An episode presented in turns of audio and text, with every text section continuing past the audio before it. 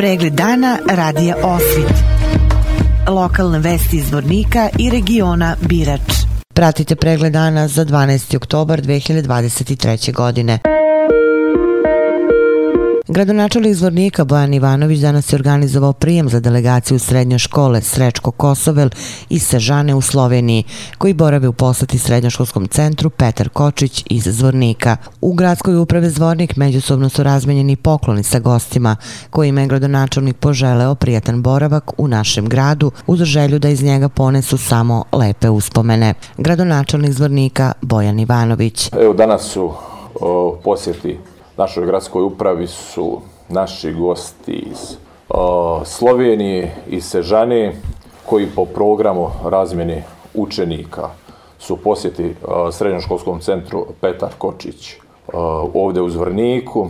Jedna idealna prilika da se razmijene znanja, iskustva, primjeri dobre prakse što će sigurno doprinijeti boljem i kvalitetnijem nivou obrazovanja. Grad Zvornik je opredeljen za ulaganje u mlade, ulaganje u obrazovanje, jer to je, da kažemo, jedina formula koja će doprinijeti stvaranju boljih uslova, odnosno sutra boljeg životnog ambijenta na ovim prostorima. Našim gostima želim dobrodošlicu, da se lijepo osjećaju u našem gradu, da iz njega ponesu lijepe utiske i Bože zdravlja i narednih godina da se ponovo srećemo ovdje u Zvrniku. Direktorica Srednjoškolskog centra Petar Kočić, Biljana Pisić, rekla je da saradnja Srednjoškolskog centra Petar Kočić i Srednjoškolskog centra Srečko Kosovel i Sežane traje već 15 godina. Biljana Pisić. Saradnja Srednjoškolskog centra Petar Kočić i saradnja e, Srednjoškolskog centra Srečko Kosovel i Sežane traje 15 godina i to je uh, vid saradnje koji nije prepoznat, čak i ni u Evropskoj uniji ne postoji toliko duga saradnja.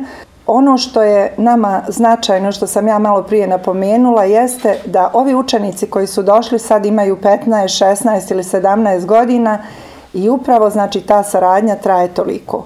Svaki put njihova posjeta našem gradu je nešto vrlo značajno, a također i naš odlazak i pripreme i odlazak na sajam turizma, ali također i kod naših domaćina je izuzetno značajan jer smo donijeli nešto novo kad je školstvo u Zvorniki u Republici Srpskoj u pitanju. Izuzetno mi je zadovoljstvo što su danas sa nama, naši učenici su domaćini kao i profesori i uvijek ćemo se potruditi da im pokažemo ono što je novo kod nas, a mi imamo trenutno školski restoran koji je novi i oni su jutro već bili gosti u tom školskom restoranu. Nadam se da će ova saradnja trajati dugi niz godina, e, nije uspjela čak ni korona da prekine ovo prijateljstvo, e, imali smo i u prethodnom periodu i poplave i neke druge nedaće, oni su svakako uvijek mislili na nas kad god se nešto dešavalo u zvorniku, a također smo i mi uz njih uvijek. Direktor Srednjoškolskog centra Srečko Kosova ili Sežane Dušan Štolfa istakao je da mu je veoma drago što već 15. put dolazi u zvornik. Dušan Štolfa. E, veoma mi je drago što, što već 15. put dolazim, odnosno 15 godina dolazimo korona malo prekinula to, ali mogu reći da prije 15 godina bili smo prvi put tu i još uvijek se to prijateljstvo, da kažem, i suradnja nastavlja. To nisu slučajne stvari, kao što rekla kolegica Biljana, takav primjer u Europi ne postoji, jer obično kad se ide na neki projekat e, traje dvije, trije godine koliko, koliko dužina i onda se prekida, ide se na nove projekte i tako dalje. A naš projekt ne temelji samo na Erasmus projektima, nego na nešto drugom. E, I to je na prijateljstvu između dvije škole koje se stkalo u ovim, u ovim godinama. Kao što smo rekli, ovi džaci su bili tek rođeni kad se počelo to prijateljstvo. A, mogu da kažem da neki između njih koji su bili na tom izmenama postali su i prijatelji i, i, i njihove familije, tako da, tako da znam da sam sreo ih u Sežani, tako i u ljetu kad su došli e, da posjete prijatelji, tako i ta, tako da e, to, to družne stvarno ima neku svoju svrhu. Još bi bolje bilo to kako bi Bosna i Hercegovina mogla da koristi Erasmus e, sredstva za projekte, onda bi bilo lakše financiranje, tako se moramo malo snaći. Ali mi se snađamo jer gdje je volja, tamo je put, kažemo, i za tako dolazimo ovamo. I tako da novoj generaciji naših đaka, pa i novoj generaciji naših profesora, pokažemo ovaj naš prijateljski grad gdje smo se uvijek, sa, barem ja, za svi smo, imamo najljepša sjećanja, uvijek smo se krasno osjećali ovdje, gostoprimstvo vam je na vrhuncu, kao što sam rekao prije, mogli bi to napisati kao geslo u enciklopediji, šta znači gostoprimstvo, znači zvornik. E, nadam se da ćemo odnijeti najljepše stvari i naravno e, dobrodošli nama u Sežanju. Da podsjetimo, saradnje između dve srednje škole i zajedničke aktivnosti počele su 2007. godine i od tada se organizuju uzajamne posete i razmena iskustava.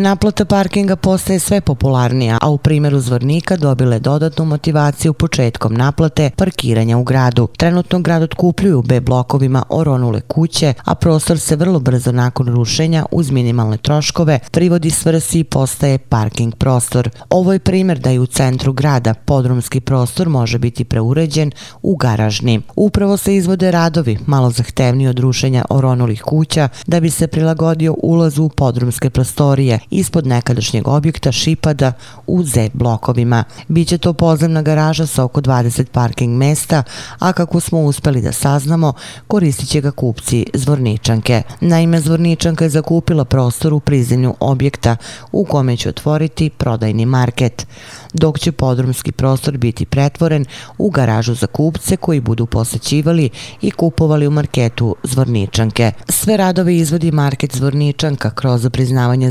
zakupnina, objekat sa oko 500 kvadratnih metara prodajnog prostora biće otvoren za nešto više od dva meseca u drugoj polovini decembra. Ovo je pozitivan primer, a kako nam je rečeno, ulazak u garažu biće regulisan senzorskim karticama uz besplatno vreme za kupce, dok će svi koji ostaju ostaju duže, taj boravak u garaži dodatno plaćati na automatu. Umesto dobrih, profitabilnih garaža, do sada su u gradu Nicele više spratnice koje stanarima nisu obezbeđivale ni osnovni parking prostor, a kamoli podzemnu garažu. Na kraju da pomenemo i problem stanara zgrade Park 2, koji su rešili da sudskim putem rešavaju svoje dugogodišnje probleme sa prilazom stambenoj zgradi, nemogućnošću legalizovanja svojih stanova i parkiranjem ispred zgrade.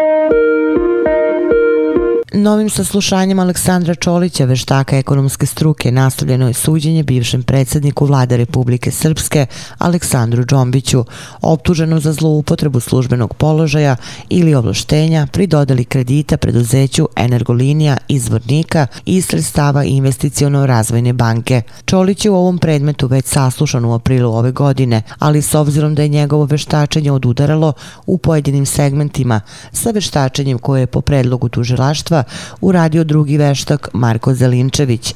Sud je odlučio da se Čolić ponovo sasluša. Kako je rekao, razlika između ova dva veštačenja je u vezi sa ocenom kreditne sposobnosti preduzeća energolinije izvornika, kao i drugih preduzeća koja su imala status sudužnika. Dodaje i da je prema njegovom mišljenju preduzeća Alumina koje je imalo sudužnički status iz ostvarivane dobiti u proteklim godinama moglo da servisira kredit koji je podigla Energolinija. Uvidom u finansijski izveštaj iz 2022. godine, Alumina je imala priliv sredstava oko 420 miliona konvertibilnih maraka. Prosečno je to oko 35 miliona na mesečnom nivou. Dakle, iz jednog mesečnog priliva, Alumina je mogla da isplati celi kredit, rekao je Čolić. On je ostao i kod svojih ranije iznesenih mišljenja da je uvođenjem preduzeća Alumina u status jemac-platac pojačana kreditna sposobnost, kao i da je to praksa koju koriste sve banke. Policijskoj stanici Vlasenica 11. oktobra prijavljeno da je u mestu Tikvarić i opština Vlasenica prilikom seče šume smrtno stradalo lice EF iz Vlasenice. Policijski službenici Policijske stanice Vlasenica su izvršili uviđaj, a na lice mesta je upućeni doktor mrtvozornik javne zdravstvene ustanove Dom zdravlja Vlasenica koji je konstatovao zadesu smrt. O svemu navedenom je obavešten dežurni tužilac okružnog javnog tužilaštva u Istočnom Sarajevu, pod čijim nadzorom se preduzimaju dalje mere i radnje na dokumentovanju događaja. Navodi su u sopštenju Policijske uprave Zvornik.